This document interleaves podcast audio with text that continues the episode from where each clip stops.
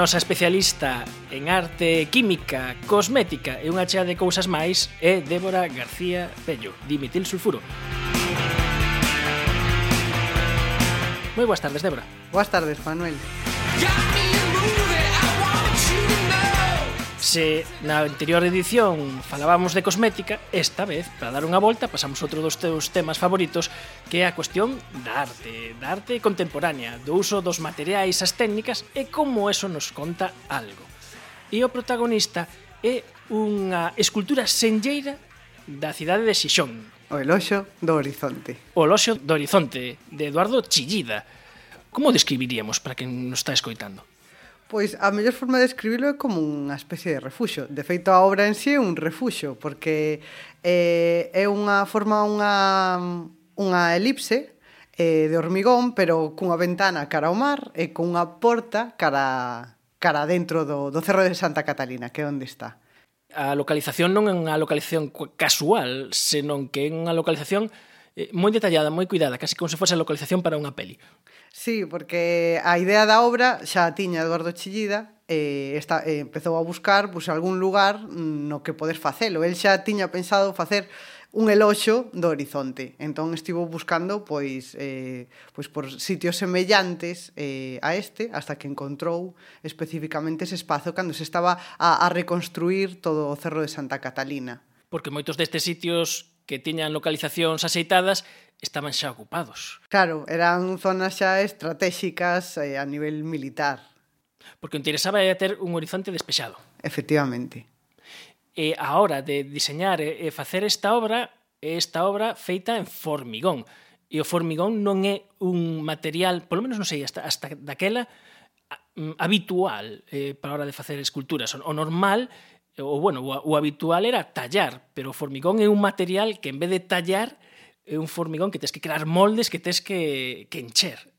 Sí, é, é un material atípico, máis que diferente por como se fai, porque tamén tens que facer un molde cando fas unha escultura, por exemplo, de bronce, non? Tamén mm. fas un molde. É, é máis por o atípico, porque é un material que realmente creouse pues, para facer obra civil, é un material inxenieril. E despois o, eh, a arte apropiouse dese material para, para utilizalo. É un dos máis eh, artistas máis emblemáticos eh, que utilizan hormigón foi Chillida. E Chillida utilizou o, o formigón aproveitando tamén un, o Consello Técnico mm, de creo que dun enxeñeiro. Sí, Fernández Ordóñez, o enxeñeiro Fernández Ordóñez xa traballara con el no 72 facendo unha escultura xa de hormigón, a primeira escultura de hormigón, eh, que é a Sirena Varada.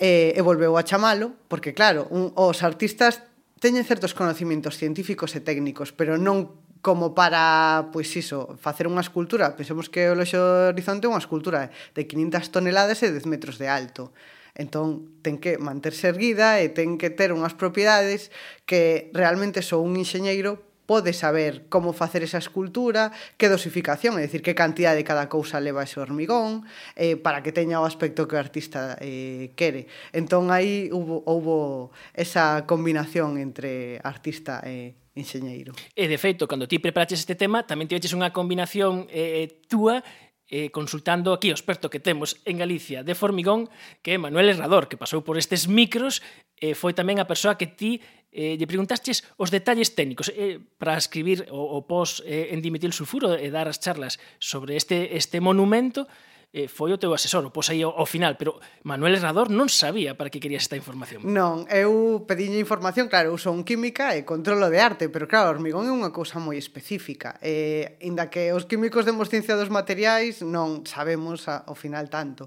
Eh, Manuel Herrador é profesor de hormigón. Na Universidade eh, da Coruña é amigo. Entón, pois, eh, primeiro eh, pedinlle pois, que me pasase información sobre, sobre o hormigón para facelo de forma divulgativa, pasoume eh, libros, artigos e demais.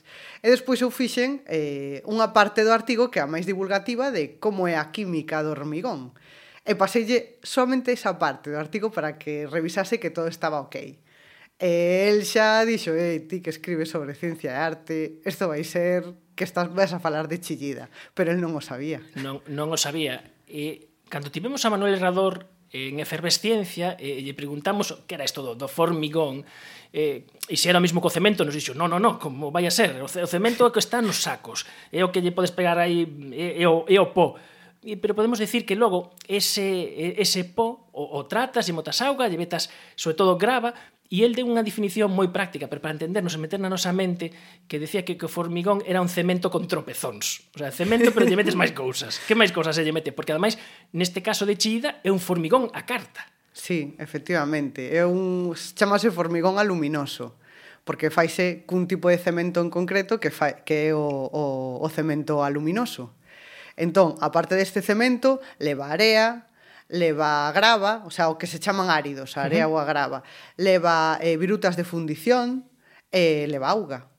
E pode levar, pode levar máis cousas, pode levar aditivos, pois, por exemplo, para retardar o fraguado ou aceleralo, ou pigmentos, se queres darlle algún tipo de tonalidade, o sea, efectivamente é cemento con tropezóns. Este cemento con tropezóns a carta que quería chillida e que encargou o, o seu colega enxeñeiro é un material co que agora non se podría construir.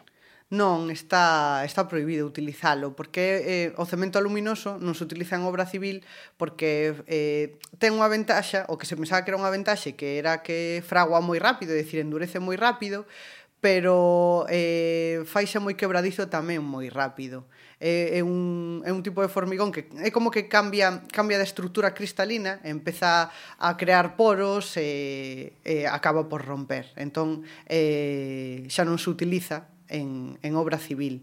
De feito, é como se o hormigón tivese unha enfermedade que a chamamos aluminose e non, non se pode empregar. En cambio, para unha obra artística, pois Sí, que decidiron que era a mellor opción para que tivese, tivese o aspecto que Chillida desexaba. E que aspecto buscaba? Pois un aspecto moi de terra, que recordase a terra, ou sexa, non, non un hormigón, cando vemos unha, unha obra civil e que está impoluta e que é gris ou incluso case branco, pois el non, quería que Chillida quería que recordase a terra, que fose oxidándose, por eso ten virutas de fundición, que que claro, ademais tal don, o sea, onde está, aí en fronte do mar, pois pues, favorece toda a oxidación. Entonces, xa que a grava sea sea tan grande, eh, que sea un cemento aluminoso o que utilizaron e as virutas de fundición todo favorece o proceso de oxidación e de degradación moi acelerado. Entón, moi rápido ese formigón iba a recordar eh, a terra da que veu. Un efecto de quedar tamén que fose tamén en certo aspecto, penso eu, non o sei, unha eh, escultura viva digamos, que o ambiente eh, fose eh, cambiando esas cores, eh, moldeando ese abellecemento eh, rápido, eso forma parte da, da intención do artista. Sí, forma parte, absolutamente. Agora, se nos acercamos a esa escultura, eh, vemos a armadura. Hai zonas da escultura que xa se ve a armadura e como está completamente oxidada porque está laranxa. Entón, eh, eso, e iso é algo buscado. E algo buscado e que técnicamente tivo tamén con complicacións, porque eh, Chillida fixo os seus, as súas maquetas a escala con diversos materiais, pero logo no seu obradoiro ten que facer o modelo a escala 1 1 1 e facer un cofrado. En cofrado, ademais, tiña unhas curvas que o facía especialmente complicado, complexo. Claro, eh, claro, Chillida o que fixo foi unha maqueta primeiro pequeniña, en madeira, e logo pasouse, pois iso, a gran escala, a, escala que iba a ser, eso fixose nun taller, escolleuse o polispán, a escultura uh -huh. primeiro fixose en, en polispán, e cubriuse co que iba a ser eh, o encofrado cunhas tablillas, escolleuse o pino, porque pola cantidade de auga e as curvaturas pois iba a ser a madeira que mellor soportase eh, toda, todo aquilo que iso evidentemente o decidiu o enxeñeiro eh, e logo foi cando esa estrutura levouse eh, no, ao cerro de, de Santa Catalina eh, ali colocouse a armadura, eh, armadura metálica eh, todo encofrado e logo recheouse co, co hormigón aluminoso. E a escala non é casual, a escala do, do, do, do monumento, da escultura. Claro, absolutamente todo en esta obra está pensado. O material está pensado, a forma obviamente está pensada, a localización e o tamaño. Porque, claro, se ti queres facer esa idea de, de refuxo, tes que facer algo que, que, que roce en realidade a, que estén no límite en realidade entre a escala o que é humano, a escala humana e o que xa se nos escapa. Entón, se fose demasiado monumental, sería como construir un templo. E non, que se queres a, se queres dar esa idea de refuxo tes que construir algo que sea que sexa máis abarcable. Entón, pois iso, esos 10 metros de altura están nesa dimensión do abarcable, do que do que concebimos como algo humano que poderíamos construirnos. O sea, que ese carácter de, de refuxo, de lugar no que entras, de feito, cando ti subes polo cerro de Santa Catalina e te aproximas á escultura, eh, na parte que dá a cara a terra ten esos, esos brazos, ese voladizo que está, está aberto, son como uns brazos abertos, como se fose unha porta aberta que te anima a entrar. E cando te metes dentro desa escultura, eh, o que tes cara, cara ao mar é unha ventana, así que tes construído un marco completo, non, hai ningún, non, non tes ningunha abertura. Entón é como te obliga, entra e observa desde aquí. Dixetes unha cosa que me gustou, invita a ir E seguro que quen non coñece esta obra, de seguro que cando pase de exposición, inexcusablemente, vai ser unha visita obrigada. Unha visita que agora podedes ver con, con outros ollos, cos ollos da ciencia, ou coñecer as técnicas e o proceso que levaron a Eduardo Chillida a facer este eloxio do horizonte en Xixón. Débora, fantástico como sempre. Moitas gracias. A ti. Dimetil sulfuro. Sulfuro.